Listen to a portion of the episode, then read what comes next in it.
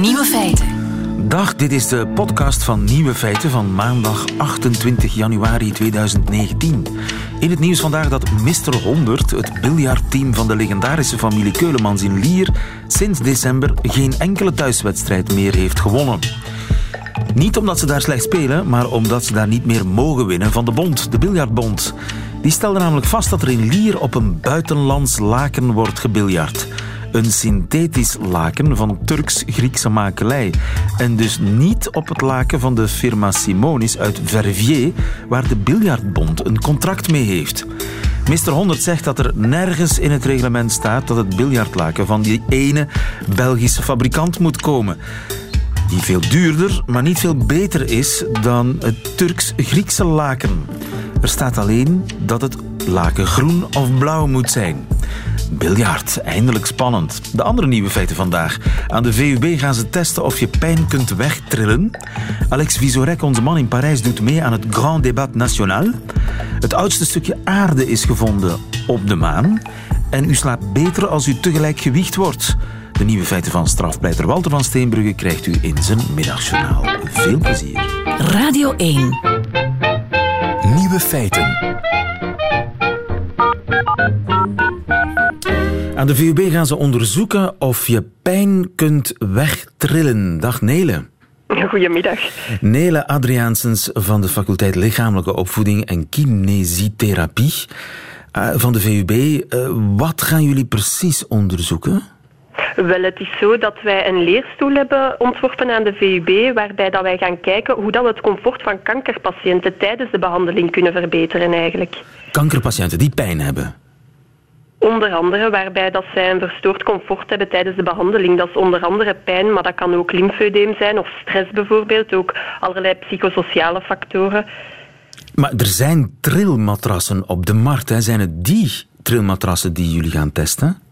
Wel, het is zo dat wij natuurlijk niet gaan onderzoeken wat het effect van een matras is, maar wij zijn wel op zoek naar de effecten van fysische applicaties. En dat zijn onder andere trillingen. Aan de Vrije Universiteit doen we al meer dan 30 jaar ondertussen onderzoek naar uh, trillingen en wat dat zij doen eigenlijk met menselijk lichaam. En sinds de afgelopen vijf jaar, denk ik ondertussen, uh, doen we naar deze specifieke vorm van uh, heet dat dan. dat soort trillingen doen wij daar naar onderzoek. Ondulatie. En ja. die matrassen zijn op de markt. Daar is wat controverse over, want niet iedereen gelooft in de heilzame effecten van die trillende matrassen. Uh, hebben jullie enig idee, zou het kunnen dat het werkt? Anders zouden we er natuurlijk geen onderzoek naar doen. Hè. En het is zo dat er al verschillende andere onderzoeken zijn gedaan. Onder andere wat ik net beschreef. In die afgelopen vijf jaar hebben wij al onderzoek gedaan naar die vorm van uh, trillingen. En het is zo dat we vooral zijn gaan kijken naar het lymfestelsel, wat natuurlijk heel belangrijk is bij de kankerpatiënten. En dat we gezien hebben dat er toch een zeer positief effect is op dat lymfestelsel dankzij uh, die trillingen. En het is zelfs zo dat we uh, een prijs op een internationaal congres hebben gewonnen daarmee. En het leek ons dus een logisch gevolg om dat nu te gaan omzetten naar de klinische praktijk en dat te gaan toepassen op mensen. Ja, maar de praktijk zou dus kunnen zijn dat je slaapt op een matras die trilt. Het is niet zo dat er geslapen wordt bij ons. Het is wel degelijk een uh, actieve interventie. En het moet natuurlijk, die trillingen moeten natuurlijk geïmplementeerd worden uh, in, een, in een onderlaag. We kunnen die trillingen niet zomaar loslaten natuurlijk op de patiënten. En daardoor zijn er fabrikanten die uh, zo'n zo'n comfortabele laag hebben ontwikkeld waarin dat die fysische applicatie kan ondergebracht worden. En daar spreekt men van een matras waar dat de patiënten in lig eigenlijk op geïnstalleerd kunnen worden en zo behandeld kunnen worden met die trillingen. Maar dat effect op het lymfesysteem, treedt dat al op na een paar minuten of moet je daar uren op liggen beven? Nee, nee, het is niet zo dat dat uren duurt. We zien eigenlijk na 20 minuten al dat er een effect is waardoor dat de lymfestroom eigenlijk beter gaat stromen. Dus dat er uh, een, een, verhoogde doorstroming is. Ja, ja. Nu, jullie hebben 100.000 euro gekregen van een fabrikant van trillende matrassen. Daar worden vragen bij gesteld. Zijn die vragen terecht?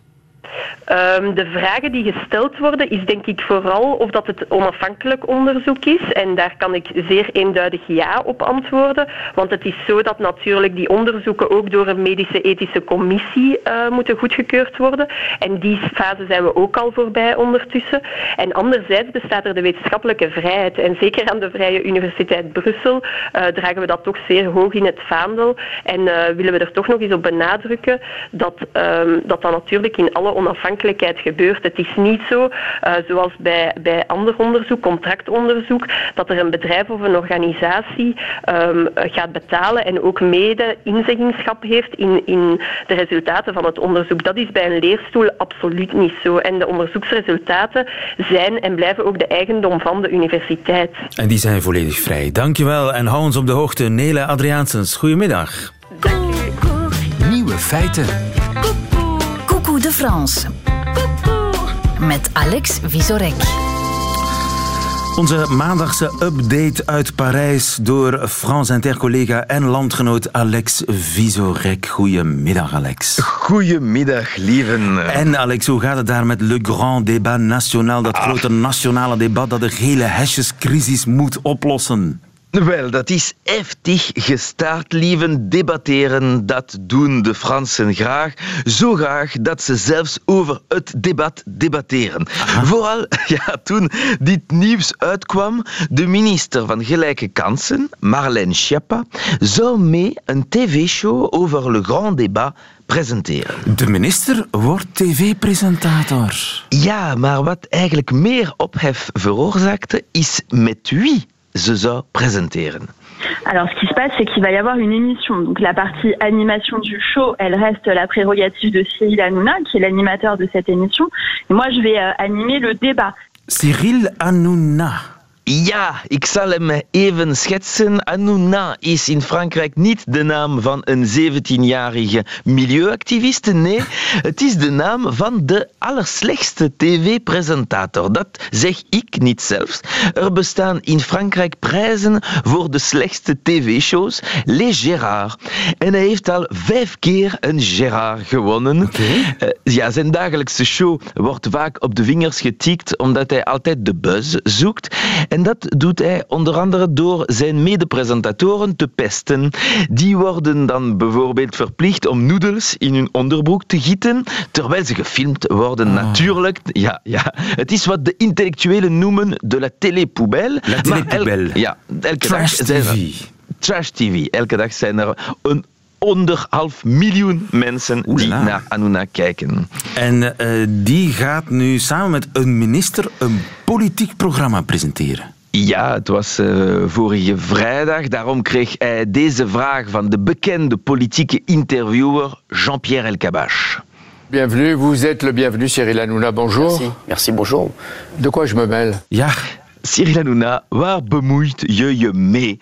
Uh, maar dat is uh, weinig in vergelijking met de kritiek die minister Schiappa van haar collega's kreeg. De meeste felle opmerking kwam uh, van een rechtse politici, Christian Estrosi, die zei si le journal du Hard existait encore, peut-être que Marlène Schiappa irait.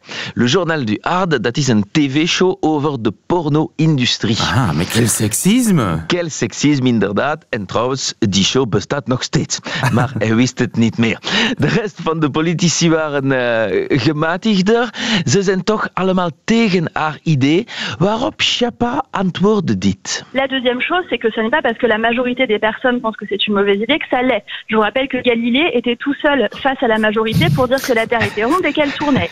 Galileo Ja. was ook alleen tegen iedereen. Voilà. Ja, als ze zich met Galileo vergelijkt, is het niet verwonderlijk dat ze onder vuur is. Het uh, is vrolijk dat uh, Schiappa Galileo vermeldt en Macron Jupiter genoemd wordt. Misschien zouden ze beter een astronomieclub stichten. en de verdediging van Schiappa was simpel. Le Grand Débat National is voor iedereen, niet alleen voor de luisteraars van France Inter, maar ook voor de kijkers van Cyril Hanouna. Dus is het gebeurd. 1,1 miljoen mensen hebben gekeken, maar een debat waar het publiek fel kon reageren. On est un pays où on aime se plaindre aussi. On est un pays où... Grosse ambiance. en uh, waar kijkers hun mening konden geven. Proposition de la soirée, donc vous votez chez vous pour cette proposition euh, sur Twitter. On va regarder donc le résultat. Sur Twitter ja, Sur Twitter. Er kon via Twitter gestemd worden. Hashtag Le Grand Débat op Twitter hebben de Fransen zeven voorstellen aanvaard die de minister zal nu verdedigen bij de regering. Een nieuwe vorm van burgerparticipatie. En wie weet, misschien zullen de jongeren ook nu gaan debatteren. Dat hoopt de minister. C'est-à-dire qu'un grand débat, un atelier du grand débat, ça peut être n'importe quoi. Dimanche, vous allez manger chez votre belle-mère, vous allez être 8-9 autour de la table. Bah, ah oui. C'est plus une engueulade familiale, c'est un atelier du grand débat national. Voilà, lieven, ga met jouw gezin ruzie maken over politiek. Dat is ook le grand débat. Un grand débat pour tout le monde. Dank, oui, dank je wel. Alex Visorek, goedemiddag. Tot volgende Tot week. volgende week.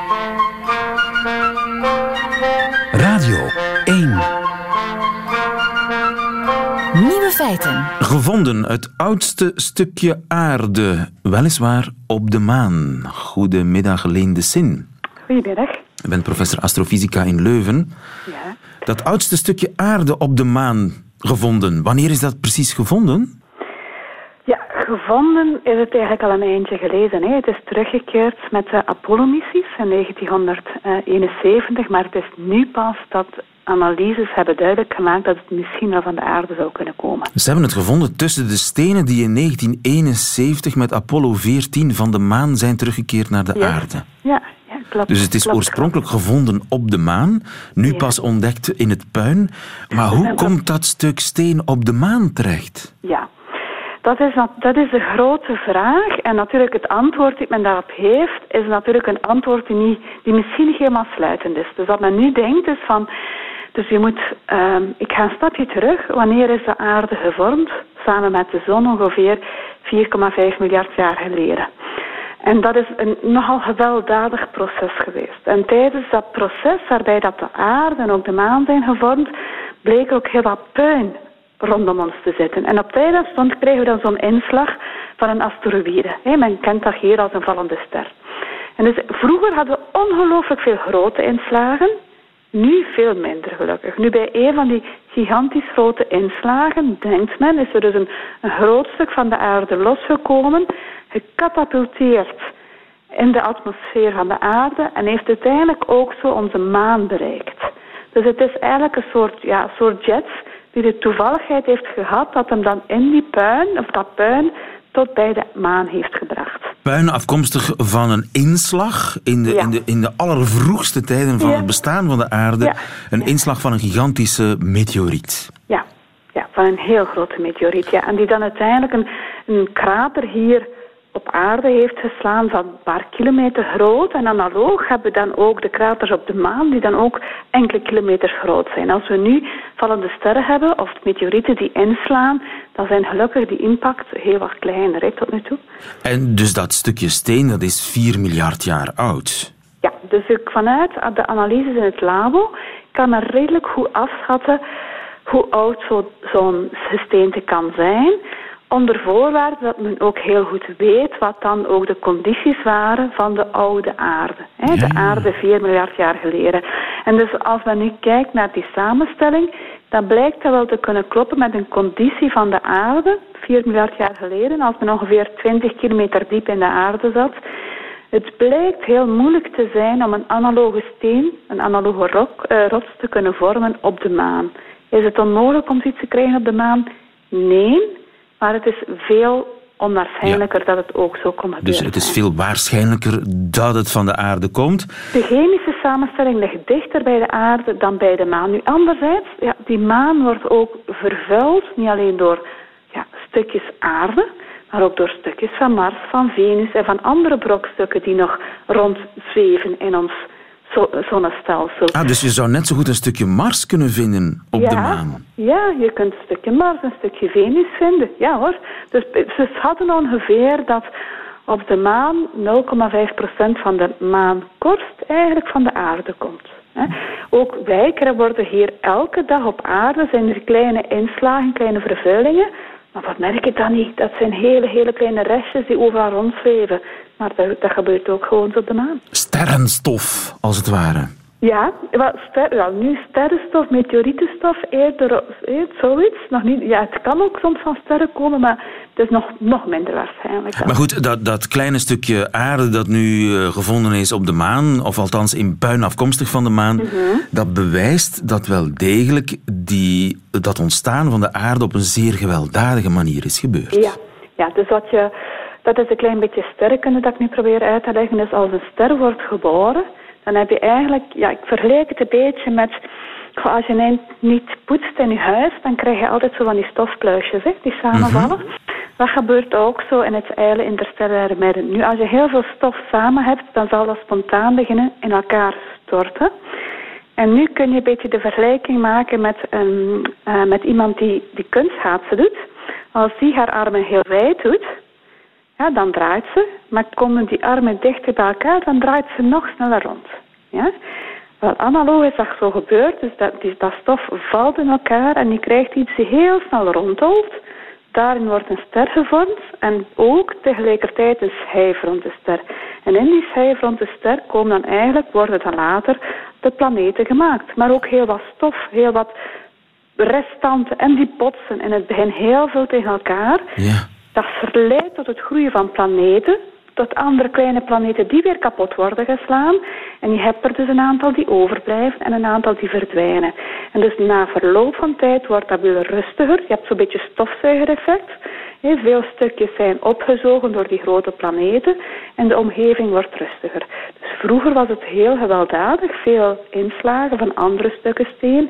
Nu zitten we in een veel rustiger periode. Ik begin mij zo klein te voelen, Leen. Het is ook zo, dat zijn Ik ben petiterig in het licht van de, het ontstaan van de zon en van de aarde en van de maan. Lindesin, dankjewel. Goedemiddag. Graag gedaan.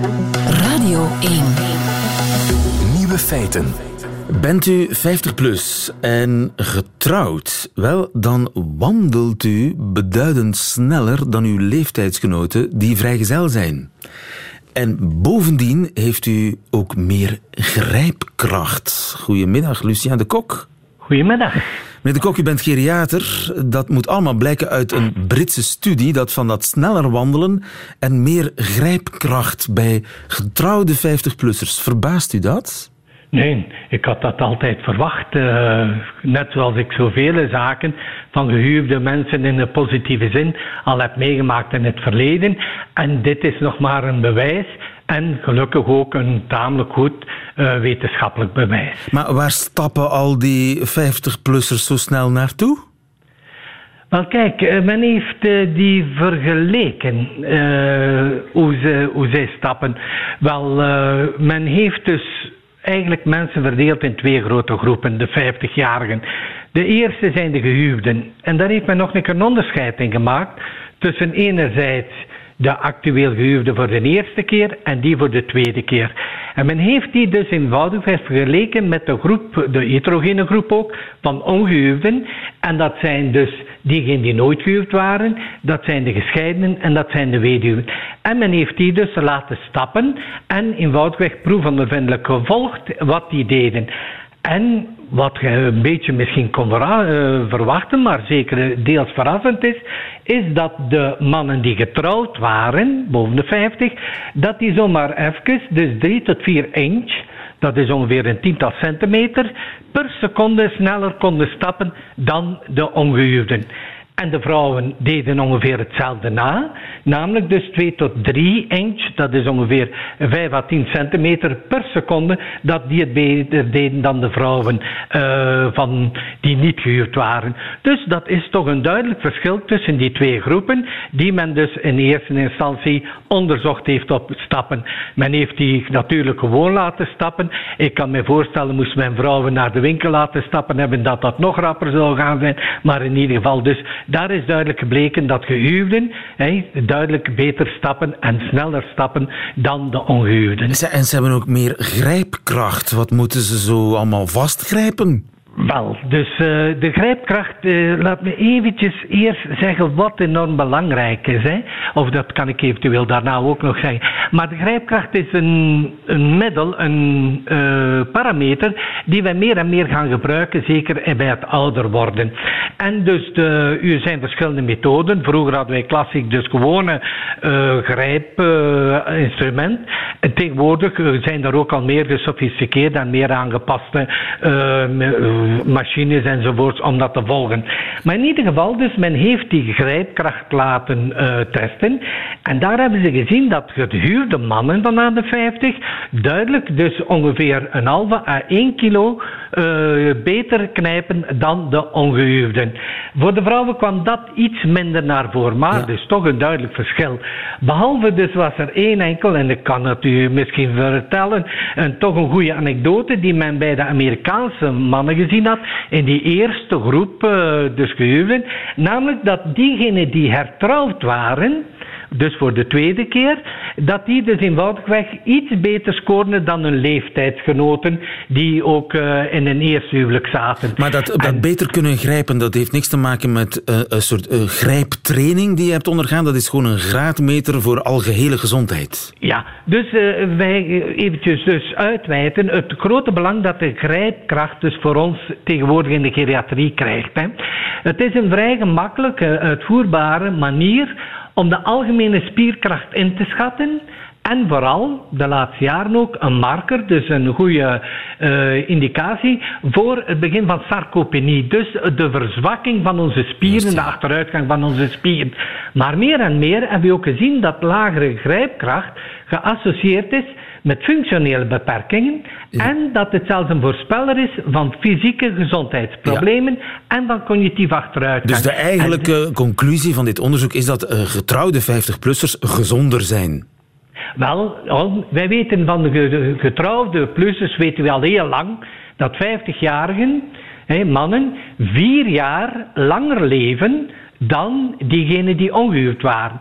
En vrouwen twee jaar langer. Hè? en is dat, is dat omdat echtgenoten tegen elkaar zeggen: Allee, kom op, vooruit nou, met de geit? Dat is, een, dat is een van de zaken, maar dus het eerste wat wij daar moeten zeggen is dat er gebleken is, en dat zijn studies, aan deze studie nu zijn er al verschillende andere grote studies vooraf gegaan, en een van die studies is waarom doen die dat zoveel beter, mannen vier jaar en vrouwen twee jaar. Wel, dat is zakelijk gebleken, omdat wij in het huwelijk zien dat vele ongezonde gewoonten, die een groot risico inhouden, veel minder aanwezig zijn bij gehuwden. Ja, ja. Denk maar aan zware roken, hey, uitgaan, accidenten. Je hebt altijd een politieagent in huis natuurlijk als je getrouwd Wel, bent. Wel, eigenlijk, uh, ja, dat is het tweede. Misschien mag ik over die politieagent eens iets zeggen.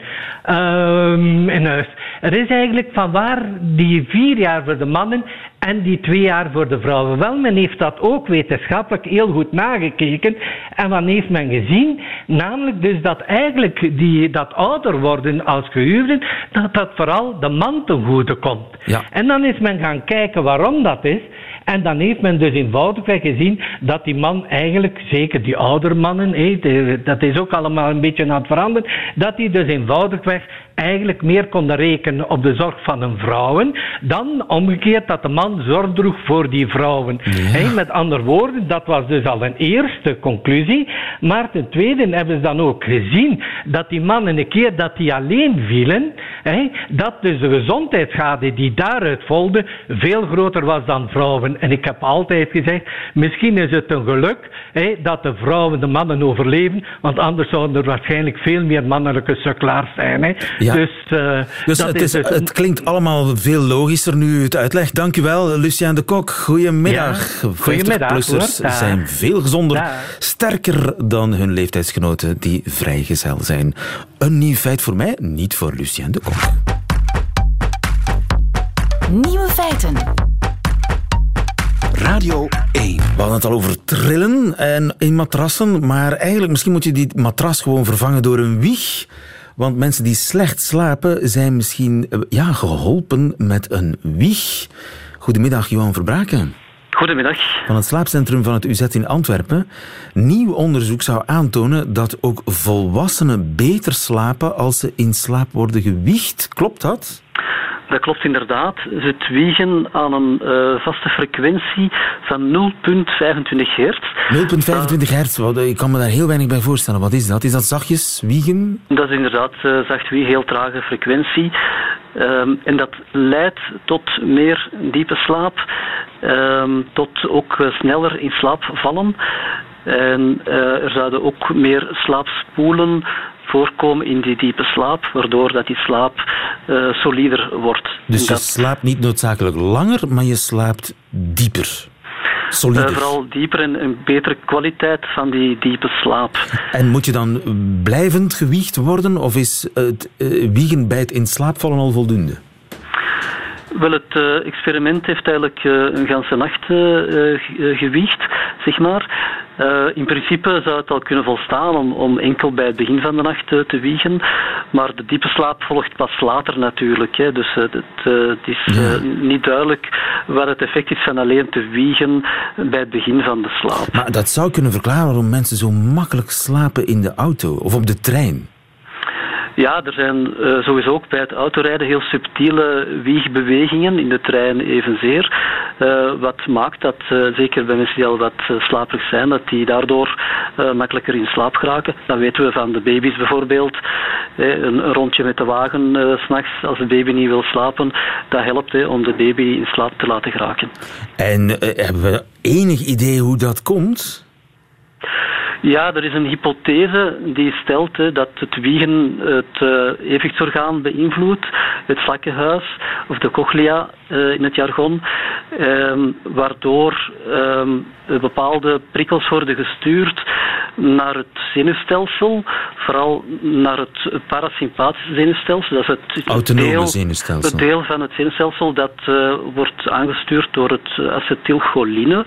En dat, die stof die, uh, heeft ook weer een invloed op de slaapstadia uh, en kwaliteit. Er zijn bijvoorbeeld ook minder ontwakingen opgemerkt ehm, tijdens het Dus je evenwichtsorgaan staat op de een of andere manier in verbinding met je slaap? Vooral Via allerlei in de omwegen. nachtelijke uren blijkbaar Ja. heeft dat de grootste uh, invloed. Uh, het blijkt dat als je zou wiegen overdag, dat die invloed veel minder groot is. Dat je dan vooral meer lichte slaap hebt en niet zozeer diepe slaap. Dus Ja. dat, we weten ook dat overdag dat vooral het orthosympathische zenuwstelsel actief is. Hè, dat wordt gestuurd door adrenaline. Dus daar zien we toch wel wat linken uh, tussen die twee systemen. Ja, maar er zou dus eigenlijk e- enorme wiegen op de markt moeten komen met een soort elektrisch uh, systeem, met een motortje, dat je langzaam heen en weer doet wiegen. Dat zou eigenlijk ideaal zijn. Ja, ik denk dat, uh, dat dit mogelijk een stap is naar, uh, naar niet-medicamenteuze behandelingen voor slaapproblemen. Um, hey, los van de psychologische aanpak, dus een, een, een gesofisticeerde matras met subtiele bewegingen, hey, wiegbewegingen, zouden in principe toch wel een belangrijke doorbraak kunnen zijn. Maar die, die, dat soort mega-wiegen, dat is er nog niet. Uh, die zijn er nog niet. Er zijn wel experimenten gedaan, ook met verschillende frequenties. En het blijkt dat niet alle uh, wiegfrequenties hetzelfde effect uh, resulteren. Dus nee, het was 0,25 hertz. Ik heb het onthouden. Ja, dat is exact de frequentie die ons helpt om de slaapkwaliteit te verbeteren en makkelijker in slaap te geraken. Ja, en misschien helpt het inderdaad beter dan pillen. Dankjewel, Johan Verbraken. Goedemiddag. Nieuwe feiten. Middagjournaal. Deze ochtend knoopten we in Gent weer aan met de tot voor kort nog afgeschafte assisenprocedure. Mensen van het volk, gewone stervelingen, die na een onschuldige handopdraai uit een urne, jawel een urne, hun naam horen afroepen en een seconde later zich in het kleed van de rechter mogen hijsen. Het Assisenhof is wellicht de enige plaats ter wereld waar de stem van het volk die van de professionele rechter overstijgt. Waar mensen uit verschillende beroepsgroepen van diverse afkomst, met andere achtergronden, al of niet zelf gekwetst door het soms harde leven, vanuit een genderneutrale omgeving beslissen over leven en dood. Oord van scherpe tegenstellingen en menselijke contrasten. Het zwart-witte decor van de Gentse Assisenzaal verraadt die dualiteit. Er zijn de tranen om de doden, maar er is ook het gehuil bij hij die terecht staat en straks misschien definitief uit de maatschappij wordt verstoten. Het graf van het slachtoffer versus de cel van de beschuldigde. vrijheid tegenover isolatie, wraak of vergeving, schuld of onschuld. In de assisenzaal is er geen plaats voor een thee- of naaikrans, ook niet voor een biechtstoel. Iedere religie is er onteigend. Die kan je niet meer redden. Er wordt afgerekend met leugens en valse sentimenten.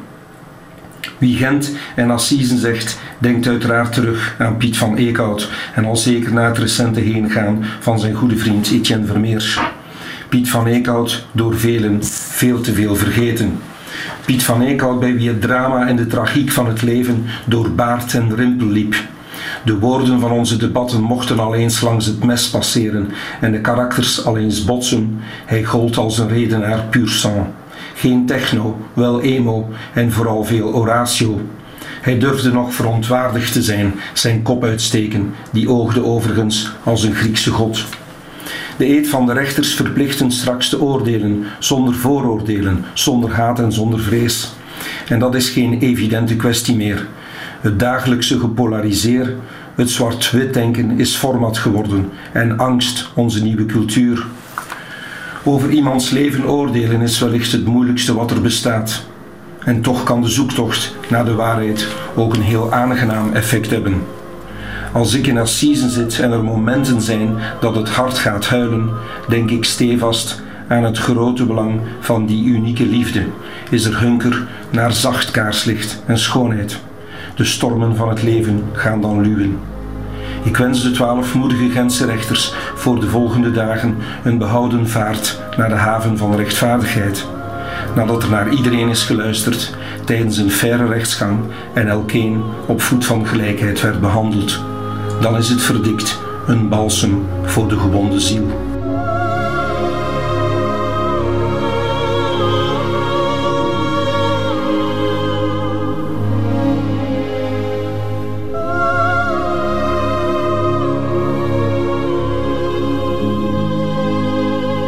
Walter van Steenbrugge in het middagjournaal. Meteen het einde van deze podcast, maar u vindt er nog veel meer op radio1.be en op de gebruikelijke podcastkanalen. Tot volgende keer.